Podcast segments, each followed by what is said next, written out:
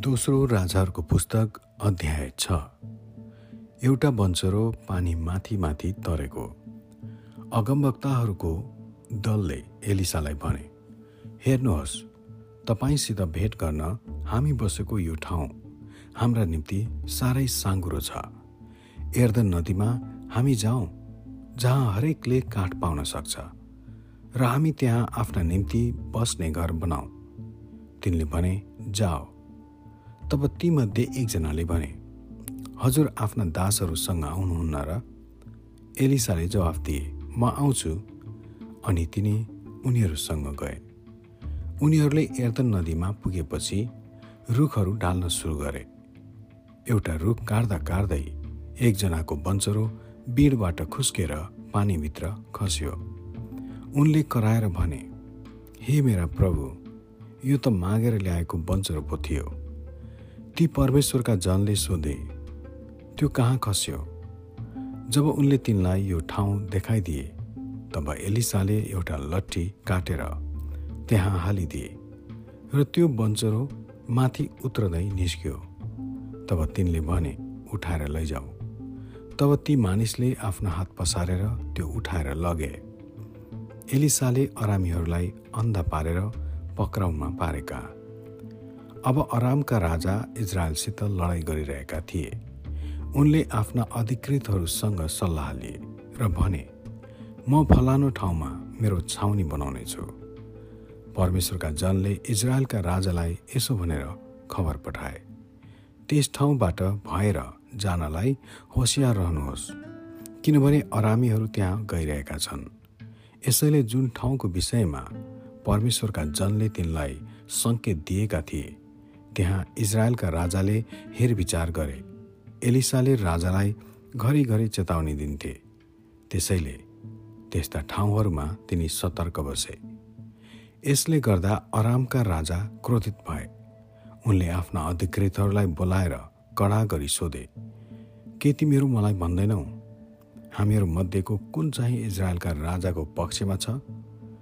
उनका अधिकृतहरू मध्येका एकजनाले भने हे मेरा प्रभु महाराजा हामी मध्ये कोही छैन तर इजरायलका अगमभक्ता एलिसाले इजरायलका राजालाई तपाईँले आफ्नो सुत्ने कोठामा बोल्नुभएका सबै कुरा बताइदिन्छन्।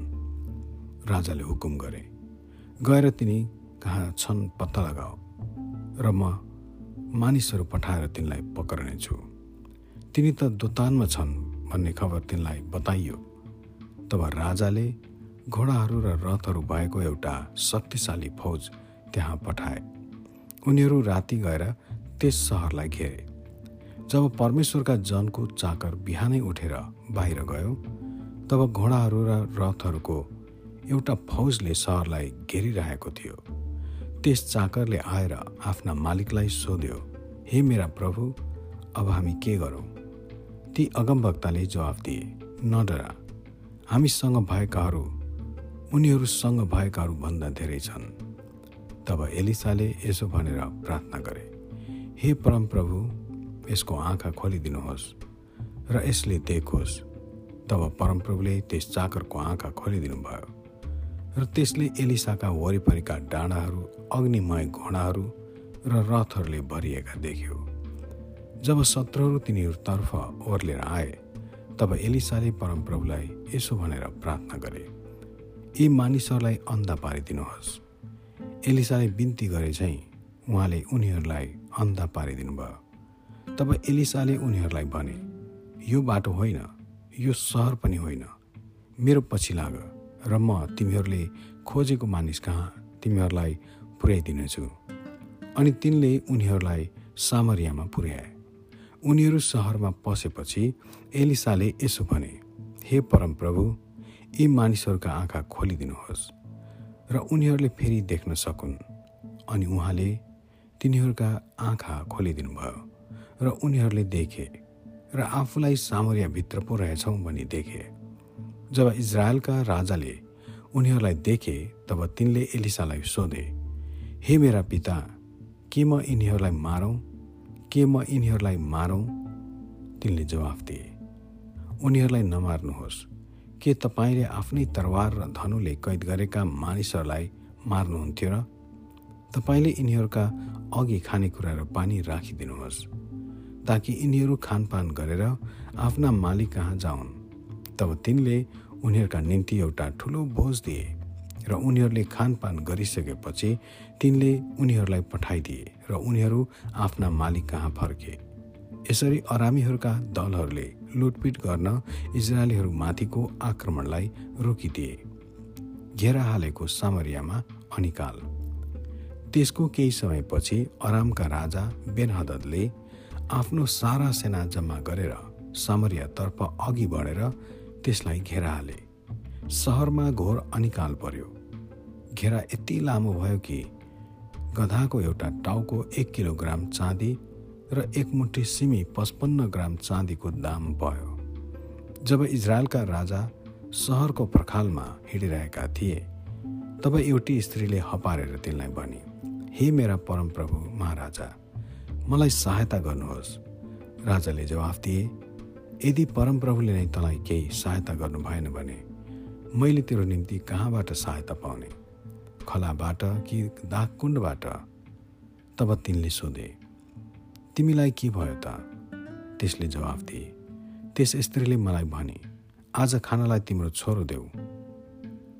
भोलि चाहिँ हामी मेरो छोरो खाउँला। अब हामीले मेरो छोरा पकाएर खायौँ। भोलिपल्ट मैले त्यसलाई सोधेँ आज खानालाई तिम्रो छोरो ल्याऊ। तर त्यसले त्यसलाई लुकाई राजाले त्यस स्त्रीको कुरा सुनेपछि तिनले आफ्ना लुगा च्याते। जब तिनी पर्खालमा हिँडिरहेका थिए तब मानिसहरूले तिनलाई देखे र राजाको जिउमा भित्रपट्टि भाङ्रा लागेका देखे। तिनले भने आज साफातका छोरा एलिसाको शिर त्यसका काँधमा नै रह्यो। भनेदेखि परमप्रभुले यो व्यवहार मात्र होइन तर त्यसभन्दा पनि बढी व्यवहार मसँग गरून्। अब एलिसा र धर्मगुरुहरू पनि तिनीहरूसँगै आफ्नो घरमा बसिरहेका थिए। राजाले एकजना समाचार वाहकलाई अघि पठाए। तर त्यो समाचार वाहक आइपुग्न अघि एलिसाले धर्मगुरुहरूलाई भने त्यस हत्याराले मेरो शिर काट्नलाई कसैलाई पठाएको तपाईँहरू देख्नुहुन्न? हेर त्यो समाचार वाहक आइपुग्दा ढोका थुनिदियो र खुब जोरसित ठेलिराख। के त्यसका मालिकका पाइलाको आवाज त्यसको पछि पछि आएको होइन र? तिनी यसरी तिनीहरूसँग बोल्दा बोल्दै त्यो समाचार वाहक आइपुगिहाल्यो। अनि राजाले भने यो सर्वनाश परमप्रभुबाट भएको हो।